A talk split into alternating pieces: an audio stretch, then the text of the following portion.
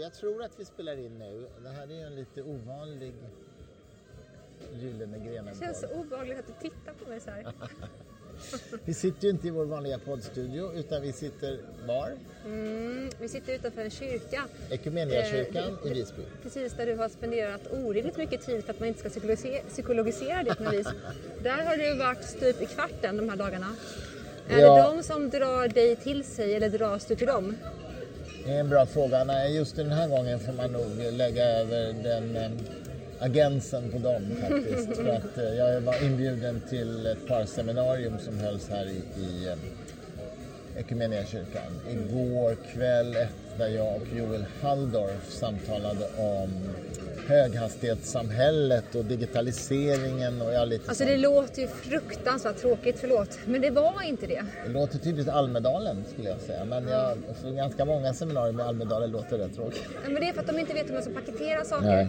De borde anlita skönlitterära författare bättre, mer. Ja. Och, Ta, eh, typ dig. Ja, det borde de verkligen. Du, du borde Det kurera de här. Inte kurera bara, jag borde eh, hjälpa dem att förstå vad rubrikerna borde vara för samtalen.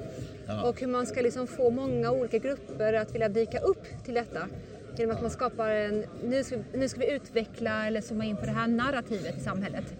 Berättelsen. Nej men visst, men det blev ändå ett hyfsat, det kom, för det första kom det ju hyfsat med folk och också, också blev det ju också ett hyfsat bra samtal också av lite mer existentiell natur och så. Mm. Jag måste bara, innan vi bara går in i sådana detaljer, måste bara få säga, vi sitter liksom nu på en utomhus eh, eh, kan man säga Mm. och blickar ut över vattnet. Vi är alltså högt, ganska högt upp nära ringmuren, på insidan av ringmuren, alltså i Visby. Och är ganska högt upp och eh, ser ut över, över havet här och horisonten. Och solen kommer snart att gå ner här framför oss. Just nu är den fortfarande bakom, bakom ett hörn här men den kommer att gå ner här där vi sitter. håller på att det såg vi igår för vi satt här igår också.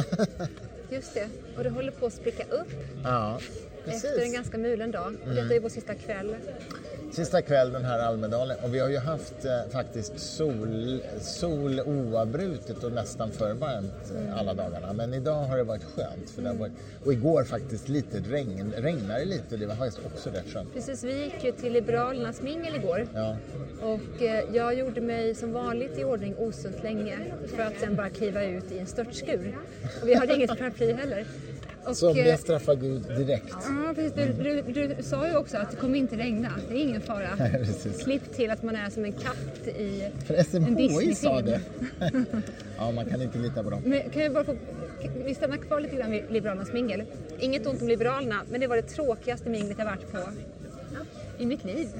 Det var nästan det. Ja, fast det var för att det regnade, hörru du. Jag måste nog få ändå försvara dem. På uppsidan kan jag säga, på plussidan var det att det var Det är bara för att de inte serverade alkohol som du tycker det var så. Eh, ja, det stämmer. Men på plussidan så fanns det ju de människor som var väldigt härliga. Lina Nordqvist till exempel. ja. Och Johan Persson som vi tycker om väldigt mycket. Överlag så är Liberaler kanske den trevligaste partigruppen som finns i landet. Eh, Men det var tyvärr då spöregn i en trädgård. Ja, ja, det var inte jätteskönt Någon faktiskt. höll ett paraply över en chipsskål och det var alkoholfri cider. Ja. Och jag tappade mina airpods dessutom. Så att, nej, det var inte jättelyckat faktiskt. Det Men en det var de- inte Liberalernas fel, det får vi ändå säga. Nej. Möjligen förutom att de inte hade alkohol, det måste man ändå lasta dem för. Men, Det hade de för övrigt inte på sossarnas mingel heller som vi Åh, också var Gud. på. Så att det var inte heller så himla där klämkäckt. men för att ersätta alkoholen eller avsaknaden av alkohol så fick vi en vegansk wrap istället. Ja, precis. Det var, det var vegansk wrap och kaffe och cider. Nej, det var faktiskt... Ja, Loka var det. det var inte... Ja, Loka var det. Ja. Nej, annat var det på Moderaternas mingel. Jävlar vad lyxigt det var. Drinkar, vin, det var dyr sushi. Eh, sen så, jag måste säga, jag har ju inte varit, eh, jag har inte dykt ner i partipolitik hela mitt liv ordentligt mer än att jag tyckte om att läsa mycket, mycket och mycket. Jag gillar politisk filosofi, jag gillar eh, den teoretiska sidan av politiken. Eh, men jag har ju inte haft mycket kontakt med de som partierna består utav egentligen. Nej. Men det får man ju verkligen här. Men det var, måste jag säga, en liten chock att besöka Moderaternas mingel för att det var ju som att Eh, många var en schablon utav en moderat. Ja, de här randiga skjortorna. Ja, jag trodde ja. de var förbi. Jag ser ju inte ens de skjortorna på Östermalm. Nej, nej det, det är lite karikatyr faktiskt. Det var ju Reinfeldt som sa att nu, från och med nu skippar vi pärlhalsbanden och de Ja. ljusblå skjortorna. Eller hur? Han sa ju det. Ja, eh, om man ska vara petig så var det faktiskt hans partistrateg Schlingmann som bestämde detta. Att de skulle ha, byta klädkod helt enkelt. Eller rättare sagt införa en klädkod för att kunna byta image. Och det är också himla bra sätt att, att få eh, medias ljus på sig att man säger en sån sak. Ja, ja, Eh, väldigt offentligt säger man det. Men det kan man konstatera efter det minglet att pärlhalsbanden och skjortorna är tillbaka. tillbaka, ja verkligen. Men vi hade ändå ett, ett spänstigt eh, och kul samtal med Gunnar Strömmer. Jag, jag, är ju, jag har ju, hade ju hans efterträdare som gäst i podden, Fredrik Bergman, som alltså är. VD för, eller chef för Centrum för rättvisa, som är den ideella advokatorganisation som Gustaf Strömmer en gång i tiden grundade. Mm. Som alltså hjälper privatpersoner i olika rättsprocesser mot staten. Det är otroligt att Det är finns. otroligt intressant alltså. Och eh, Fredrik Bergman är en oerhört intressant person. Och Han var gäst i min andra podd, Fri Tankepodden. Det är faktiskt inte publicerat ännu, insåg jag. Det kommer nu i sommar. Eh, men eh, jag vill ju att han ska skriva en bok eh, om några av de rättsfallen som de har hanterat. För att det är otroligt intressant och det säger en hel del om Sverige, liksom, och Sverige som rättsstat. Så det finns mycket intressant att hämta där. Mm. Men Gunnar Och så Strömmer, där har Strömmer gjort något bra, alldeles oavsett vad man tycker om hans politik i övrigt. verkligen. Men Gunnar Strömmer jobbade alltså som jurist många, många år och så var han ju samtidigt då engagerad partipolitiskt. Men, och, och dessutom en tredje ben han ha- då hade var att han grundade den här organisationen. Men gjorde han det ensam eller hade han några Det vet jag faktiskt inte, måste jag säga. Det, nej, det har jag ingen aning om. Ja. Men det var på hans initiativ i alla fall. Nej, men det är ju det här som är lite speciellt med Almedalen, att man hamnar ju i samspråk med så otroligt många olika människor som man normalt sett aldrig skulle komma i kontakt med så att säga. Och på hela den politiska skalan.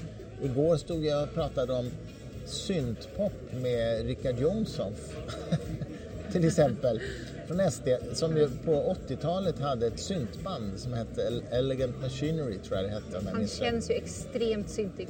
Ja, visst, men du vet, och du vet, det var inte samma tid som jag hade mitt band. Vi var inte syntband egentligen, men vi var i alla fall så här new romantic band liksom. Och eh, hade ju liknande influenser som Human League och Depeche Mode. Alltså det var, eller det var samma era i alla fall, även om inte vi var syntband. Så att, jag, jag, jag minns ju precis den här tiden, så det var ändå bara så här, ja, då hamnar man i den diskussionen med en SD-politiker som jag kanske inte har så hemskt mycket gemensamt med i övrigt. Men just detta hade vi gemensamt.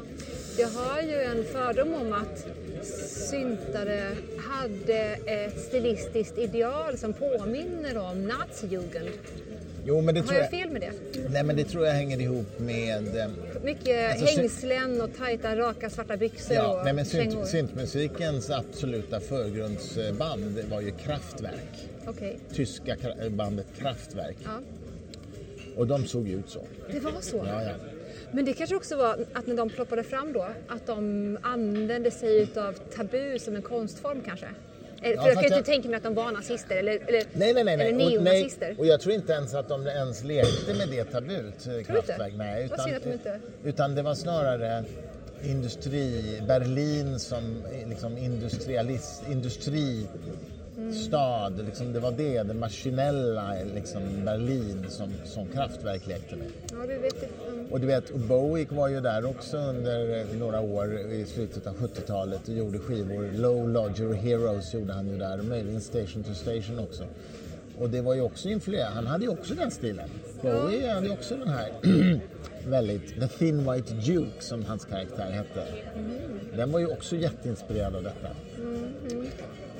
Jag menar bara att det kan vara så att den eh, gruppen människor anammade ett ideal som de kanske inte hade kontakt med vad det var en, blinkning åt egentligen. Så kan det vara, så kan det vara såklart. För det är ju, tankegångarna går ju verkligen till Ja. hur unga pojkar såg ut under Hitlers tid. Ja, men du vet också, jag menar ta sådana band som Spandau Ballet eller vad heter han då? David Byrne, Talking Heads och sådär. De, de var ju väldigt så här, kostymiga, väldigt välklippta kostymiga. Men det tror inte jag var en anspelning på det. Det var snarare en anspelning på liksom Nej, det här välklädda dandy Ja, ja, ja, och gör man det i England så är det inte en Ja. referens till, Nej. till det. Men ifall man ser ut på det sättet på 70-talet i Tyskland, då tror jag ändå att det inte är helt, helt omedvetet. De vet ju ändå vad, vad för graf, Ja, grafiska möjligt. ideal de... Ja, ja, det är möjligt. Det är möjligt.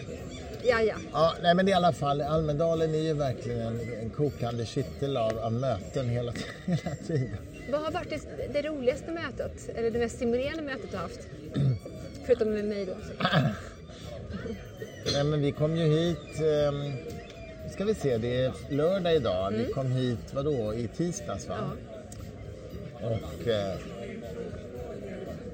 ehm, ja men det allra roligaste har nog varit ändå, jag har ju gjort tre seminarium så det har inte varit så himla betungande. Ett som handlade om livssynsneutralitet och staten ska förhålla sig till det i jäm, jämförelse mellan Norge och Sverige. Och sen ett seminarium om desinformation och sen då ett samtal med Joel. Men sen har ju du och jag och Joel haft en slags pågående schackturnering här på kaféer och barer eh, under flera dagar. Det har varit väldigt, väldigt roligt. Ja.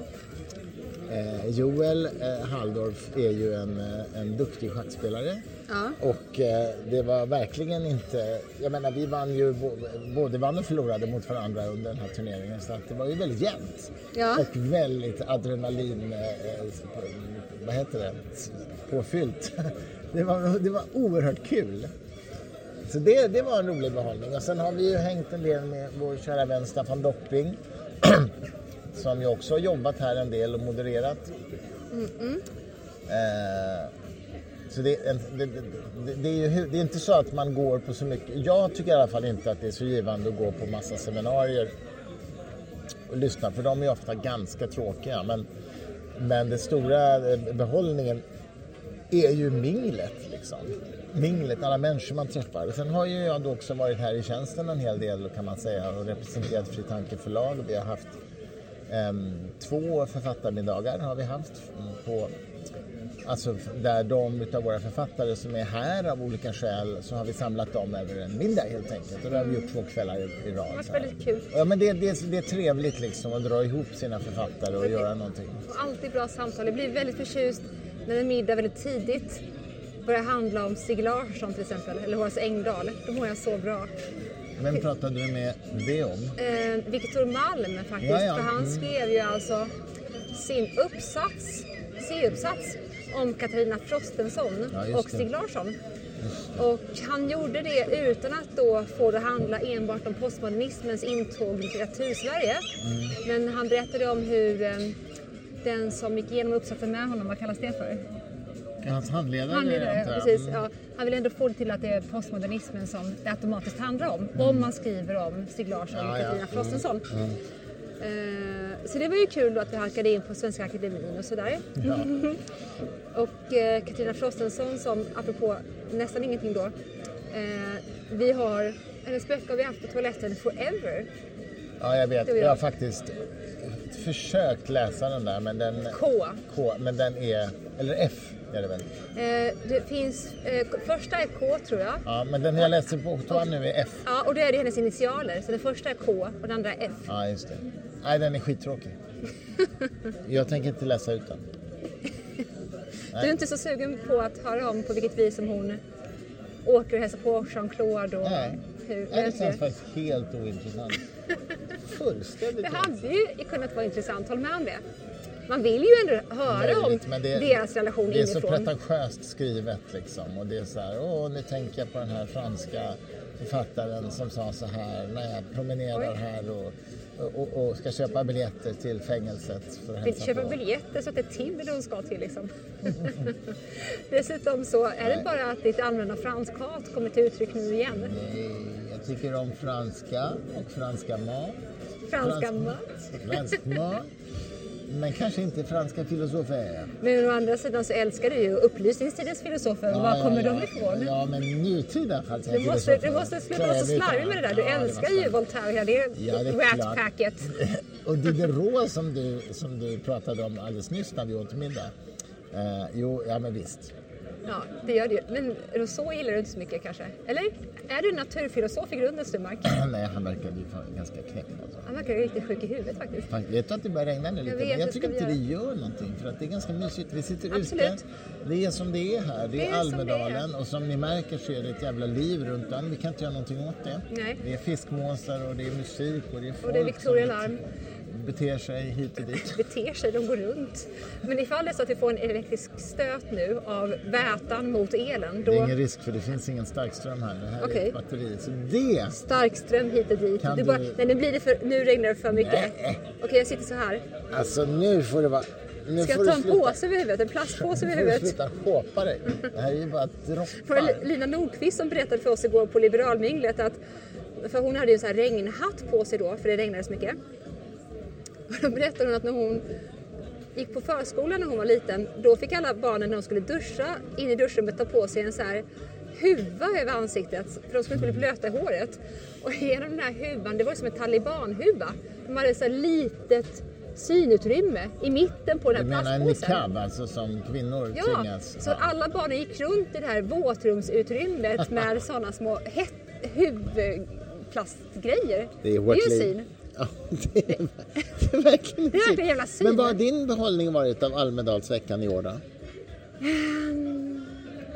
Det har väl varit att vi, du och jag, har haft det väldigt underbart. Det har varit mysigt. Vi har också faktiskt gjort en fin ceremoni där vi spred min mammas aska i havet här på Ja, det Gotland. gick bra, tack och lov. Det gick bra. Och, Och då tänker man eh, ju som lyssnare då, hur kan, hur kan det ha gått dåligt? Och då kan jag berätta för er, jo, genom att jag sitter 200 meter bort och ser dig liksom nästan vara på väg att ramla med den här. Ja, det hade kunnat men jag slå var dig på väg. ordentligt. Ja, det är sant. Det är sant. Men det löste sig. Vi har, vi har ändå eh, gjort det enligt konstens alla regler och det var ändå en fi- fin ceremoni Det var det, det var det. faktiskt. Men eh, ja, jag höll på att ramla i ett, i ett litet avgörande ögonblick och det är inte så bra. Nej, det har faktiskt varit jättehemskt. Men vad, vad har du mer då fått ut av veckan? Mm.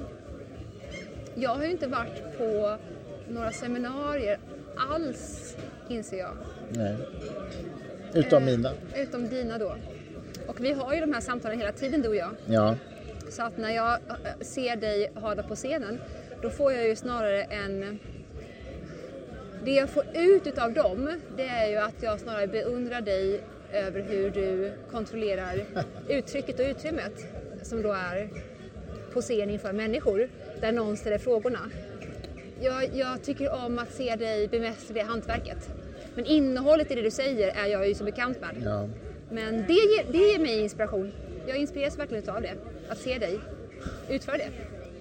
Det var kul det här seminariet om desinformation. Om jag får ränta en liten stund om det och bara Visst, säga du. någonting om det så var det rätt kul för att jag började med att ge en liten eh, civilisatorisk återblick över desinformation som ju där jag sa så här att vi har haft fyra informationsteknologiska revolutioner sedan mänsklighetens, i mänsklighetens ursprung. Och den första var ju faktiskt när vi utvecklade talförmågan, när vi började kunna artikulera ljud för att kommunicera information. Och det var ju då vi liksom kunde sluta med att använda bonding-tricket att plocka loppor ur varandras pälsar som vi ju vet att schimpanser gör för att bonda med varandra till exempel. Eller bonobosapor. Och då kunde vi istället övergå till att skvallra istället för det har ju också en bondingfunktion. Skvallra eller planera. Skvallra eller planera och, och det var det som var min poäng att alla sådana här in, alla såna här um, informationsteknologiska revolutioner som man kan kalla det här i någon mening också har ju liksom en, en framsida och en baksida. Baksidan var ju skvallret, desinformationen, ryktesspridning och sådär va. Och framsidan är naturligtvis planera och överföra kunskap. Och den andra revolutionen var ju när vi uppfann skriftspråket. Plötsligt kunde vi överföra information över större avstånd eller mellan generationer. Men samtidigt kunde vi nu för första gången ljuga för varandra utan att behöva se varandra i ögonen samtidigt, nämligen via skriven text. Den tredje revolutionen var tryckpressen. Vi kunde plötsligt sprida lögner till massorna men också sanningar eller kunskap och, och viktig information. Eh, och den fjärde var ju digitaliseringen. Vet du vad, vi kan flytta in under den där Nu regnar det jättemycket. Ja, Men vi klarar det här. Nu får alla våra lyssnare bara hänga med här. skull. Tänk på att bara inte gå eh, för snabbt för att... Eh, Ingen då, risk med mig kan jag säga. Jävlar! Hörru, ja, vi spring! Går, Oj, oj, oj! Fuck! vänta, så bra. Bra jobbat. Här, kom till baren. Ska ni sitta där? Vi tänkte hänga på istället för det regnar här nämligen. Ah, okej! Här sätter vi oss. Det här blir superbra. Och vi har ju en pågående... Nu, nu fick ni vara med om när vi flyttade Muppa in runt. från regnet Varför till kan vi aldrig göra någonting normalt? Ja, men det, det här är jättenormalt. Och det här kommer med i vår podd. Ta den stolen där nu. Bonobosapan. Nej, men jag var mitt i den fjärde revolutionen Jag skojar. IT, Förlåt. den digitala. Mm. Ja, och för att göra en lång historia kort så är det ju nu så att vi har kommit till en fas när AI skapar, kommer att skapa en massa desinformation. Men också jättemycket bra. Så varje ett sånt här tekniksprång har ju både skapat fantastiska möjligheter men också ökat graden av desinformation. Det var egentligen det som var min poäng. Precis och som jungian då så går ju det här helt i linje med min och vår syn på att det finns ingenting som, inget fenomen som bara har en ljus sida utan allt har ju en baksida. Men Harari, eh, Yuval Harari, Yuval Harari, ja. eh, menar ju att skvallrets funktion har att göra med pålitlighet. Eh, nu är inte jag ett jättestort fan av Harari men jag tycker ändå att hans eh, definition av skvallrets funktion ger ändå någonting. Och det är ju så här att innan centralstaten uppkom eh, och därmed också innan bankerna uppkom så var ju de små byarna helt, helt i händerna på vad för sorts medlemmar som ingick i dem. Därför att alla var i en kedja med varandra. Alla var en kropp i byn, även i familjen. Och eh, ifall det var så att någon slott inte funkade något år eller ifall någon behövde låna pengar från någon. Det enda man hade som kapital då, eller som förtroendekapital, det var ju anseendet. Ja, just det. Så därför var det väldigt viktigt för alla i gruppen att veta vad alla höll på med hela tiden. Och det var det som skvallret, menar Harari i alla fall, var en produkt utav. Så att skvallret har inte bara att göra med att man önskar andra illa genom att gotta sig åt snedsteg. Utan det har att göra med att vi ska få en helhetsbild av en person. Så vi ska begripa om det är vettigt att låna ut en påse eh, frön till den eller Ja, it makes sense såklart. Mm. Det verkar ju eh, klart rimligt. Och egentligen så är det ju förstås så att skvaller kan ju, in, eh, kan ju också vara positivt Ja skvaller. precis, och där, apropå då fenomen som både har en ljus och mörk sida. Skvaller i sig behöver inte bara vara mörk, Nej. även skvaller i sig som fenomen har ju en ljus och mörk sida. Absolut. Mm. Nej, men så är det ju definitivt. Ehm, men sen tror ju jag de facto att det kommer att bli problematiskt nu med att lita på internetkällor och sådär nu när vi har de här generativa AI-systemen som kommer att spruta ur sig grejer. Så att det var ju delvis det som seminariet handlade om. Ja, precis. Var det här, förlåt, var det här i förrgår kanske? Du hade det? Ja, jag frågar. Just det. Sen Precis. så var ju Sen så han, var ju Joel på ett seminarium om AI. Jag kunde tyvärr inte höra det men det är intressant att tas upp av alla forum och, överallt nu liksom, vad som händer med AI-utveckling. Däremot var jag faktiskt och lyssnade på ett seminarium på morgonen någon av dagarna om koranbränningsfrågan. Ja, Och det var med Sara Skyttedal, Sakine Madon, Joel då, Halldorf och just Richard Jomshof. Det vil- vilken kvartett. det var spännande. Det blev ganska hetsigt eller liksom ändå... Det blev spänstigt samtal helt enkelt. Eh, Jomshof backar numera från idén att man borde kriminalisera brännandet av den svenska flaggan. Och det var en jävla tur för honom för man måste åtminstone vara konsekvent. Man kan inte vara för legalisering av koranbränning men mot legalisering av svenska flagganbränning. Det vet inte tusan, det beror ju på vilken bevekelsegrund du argumenterar utifrån. För att bevekelsegrunden är ju en sak och sen så följer den med en viss logik. Men ifall man verkligen upplever att bevekelsegrunden är att nationens symboler är trumfar andra nationers och, och kulturella, religiösa uttryckssymboler, då är det ju okej att bränna en koran och inte svenska flaggan. Och är man na- nationalist i grunden, då är det bevekelsegrunden som du då argumenterar en logik utifrån. Ja, men då måste man säga att man inte är för en, en grundlagsskyddad yttrandefrihet som är absolut. Ja, absolut. Så är det ju. Men då det. får man ju ihop det. Ja, ja, ja det, det, det är klart. Man kan säga att jag vill, bara, jag vill ha en del undantag i yttrandefriheten. Men, men, men det blir svårt att argumentera för det på principiell grund annat än att man helt enkelt bara säger att jag vill att det ska gälla för det här och inte det här. Ja, jo, visst. Eh. Men det säger han ju inte utan han talar ju hela tiden om yttrandefriheten som en sån otroligt viktig, viktig del av demokratin och vi får inte ge vika för att våldsamma islamister eller presidenter i Turkiet försöker få oss att begränsa vår yttrandefrihet. Och det kan, tycker jag är svårförenligt med att säga men å andra sidan kriminaliseras, bränningen av svenska flaggor. Men Nu yttrande- sa han inte det ska man säga. Han tog ju avstånd från den idén. Ja, men yttrandefriheten är ju redan tönad som den är. Den är, den är begränsad i Sverige Den är ju redan hets, begränsad. hets mot folkgrupp. Ja, exakt. absolut. Det går inte längre, går, jag, jag, längre som att jag har hållit på med något sånt. Det går inte att heila runt till exempel. Nej, nej. För att då är det hets mot folkgrupp. Så att yttrandefrihet inom citationstecken. Oh ja, nej men den är begränsad. Men, men där kan man ändå, det finns ju ändå en tydlig syfte med den begränsningen och det är ju när det kan skada människor så att säga. När det kan så att säga, man får inte aggressivt hota människor.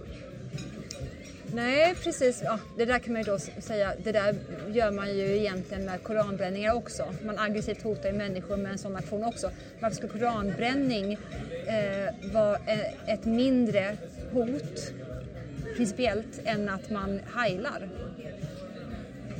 Nej men är heilande förbjudet enligt, Ja, det, enligt får, ja, det, är, mot det är ett hatbrott. Ja. Jo, jag vet ju att Tyskland har till exempel även förbud mot att förneka förintelsen. Ja, just det. Och som ju också Morgan Johansson, drev, Morgan Johansson drev här i Sverige. Nu blev det inget med det. Nej. Nej, och jag tycker det är rätt att man inte ska förbjuda det. Det ska bemötas med sakargument. Ehm, Och eh, själva heilande-gesten kanske inte heller borde vara olaglig så att säga. Men däremot om man säger döda alla X, grupp X, då, det tycker jag ska vara förbjudet. Och det är ju en begränsning i yttrandefriheten. Ja, men du håller med om att det är, det är en diff mellan att det är okej att bränna Koranen men det är inte okej att heila. Ja, det låter som en diff. Ja. Nu tycker jag att det ska vara förbjudet att bränna Koraner också. Tycker du? Jag vet inte. Jag vet inte, säger hon sen. Jag vet inte. Men, jag, jag, Vi men, testade att säga det och se vad som händer. men så är det ju ibland. Ibland vill man säga saker högt för att få veta vad man, om man bottnar eller inte. Nej, jag tycker inte att det ska vara förbjudet att bränna Koranen. Däremot så måste det alltid kontextualiseras. Så att om, om, den, hä- om den aktionen görs i samband med att man skriker slagord som verkligen är, du vet, eh, muslimer är XXX, de måste bort eller utrotas och sådär. Då ska hela den aktionen bedömas som hets mot folkgrupp. Och där koranbränningen var en del av den aktionen. Men om en, som jag skrev i en artikel i Svenska Dagbladet, om en kvinna bränner, i koranen, bränner koranen utanför Irans ambassad i protest mot att hennes lesbiska livskärlek har blivit hängd i Iran eh, för att hon är homosexuell, då tycker jag inte att det ska vara brottsligt alls, verkligen. Jag måste säga att jag är förvånad över att ingen hörs det fortfarande när vi spelar in nu med den här musiken. Det vet vi inte, det kommer Får vi märka när vi lyssnar jag, sen. jag läste en utväxling på Facebook mellan Dan Korn och vår kära vän som, vad heter han nu igen? Underbart att jag inte minns namnet på vår vän, men jag minns namnet på Dan Korn.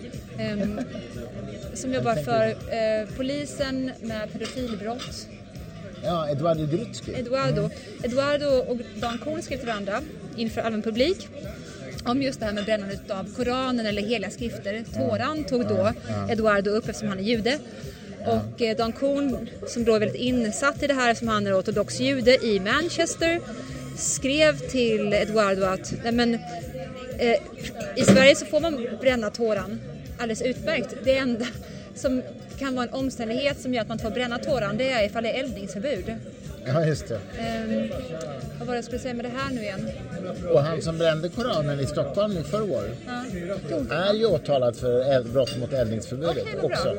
Jättebra. Det är ju en annan sak. Men det jag skulle säga var, är inte du förvånad över att eh, med tanke på den infekterade relationen som finns mellan eh, Israel och judar och den arabiska världen Är inte du förvånad över att inga judar hittills har, nej förlåt, att inga muslimer hittills har valt att bränna Toran på en offentlig plats? Jag menar, Toran är en helig skrift för judarna också. Men mig vetligen har ingen bränt, fått polisbeskydd för att den har utlyst att vi ska bränna Toran. Nej, men det är kanske för att muslimerna är mer väluppfostrade. Nej, jag vet inte. Jag tänker att de inser att de inte kan göra det eftersom de vill ha ett förbud mot att bränna deras egen skrift. Ja, det är det såklart. Det, det, då, då inser jag att det, det går ju liksom inte. Nej, precis, precis. Men man kan ju då säga, med tanke på då att det finns så pass mycket kompakt organiserad eh, extremhöger, Ja. varför har de inte bränt Toran? Ja. Bra fråga. Nej, jag vet Det faktiskt säger någonting. Eller? Gör det, inte- det kanske inte gör det. Jag tror... Det, det, därför att jag tror inte att det skulle bli, bli någon bråk om det. För att judarna skulle inte reagera De, de skulle inte bry sig om det. Jag Tror du inte att- Nej, nej, nej. Det skulle inte bli några demonstrationer eller absolut inga våldsamheter. Nej. Lite djävulen alltså. I Det var- Sverige i alla fall. Kanske om du gjorde det i Israel i de ultraortodoxa kvarteren. Men om du tänker in bokmässan det året, innan vi träffades, då nazisterna fick Ja, igenom att eh, patrullera eller gå i demonstrationståg utanför bokmässahallen.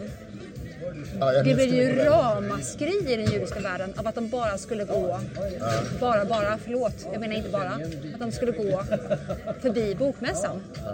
Så att om de skulle bränna Toran, jag tror inte att det skulle inte bli någonting. Nej. Jo, i Sverige tror inte jag det skulle bli... Eh, alltså det skulle bli någon, någon skulle skriva en artikel om det. Men jag tror inte det skulle bli några demonstrationer. Det tror jag inte. Inser nu att i september i år när nästa bokmässa hålls, då är det ju judisk kultur som är temat och står i centrum. Hur kommer det gå tror du? Kommer det vara Det ska bli intressant om se om det blir några nazister som ansöker om demonstrationstillstånd. exakt, exakt? Jag hoppas faktiskt inte det, men det kan mycket väl hända. Ja, verkligen. Det återstår att se. Det, det blir mer och mer ljudligt här, så jag tror att vi ska avrunda. Det här var ett försök att göra... Det är första livepodden. Vi har ju spelat in en annan livepodd en gång som vi har tvungna att slänga för att Ja, precis, för det gick inte. Ja, vi har ju i och för sig gjort livepoddar från Gyllene Grenen på Cirkus, men du menar när vi har suttit ute Ja. i någon miljö?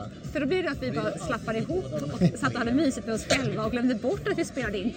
Det Men det inte. gjorde vi inte nu, men däremot Nej. så är det lite för mycket ljud, tror jag. Vi får se hur det här låter. Ändå Det var i alla fall ett, det var ändå ett Det försök. blir en vettig podd nästa vecka i alla fall. Ja, det blir, då, blir vi, då är vi klokade och samlar igen. Men det här är i alla fall en hälsning från Almedalen 2023 helt enkelt, dagen innan vi åker hem. Så tack för oss den här gången.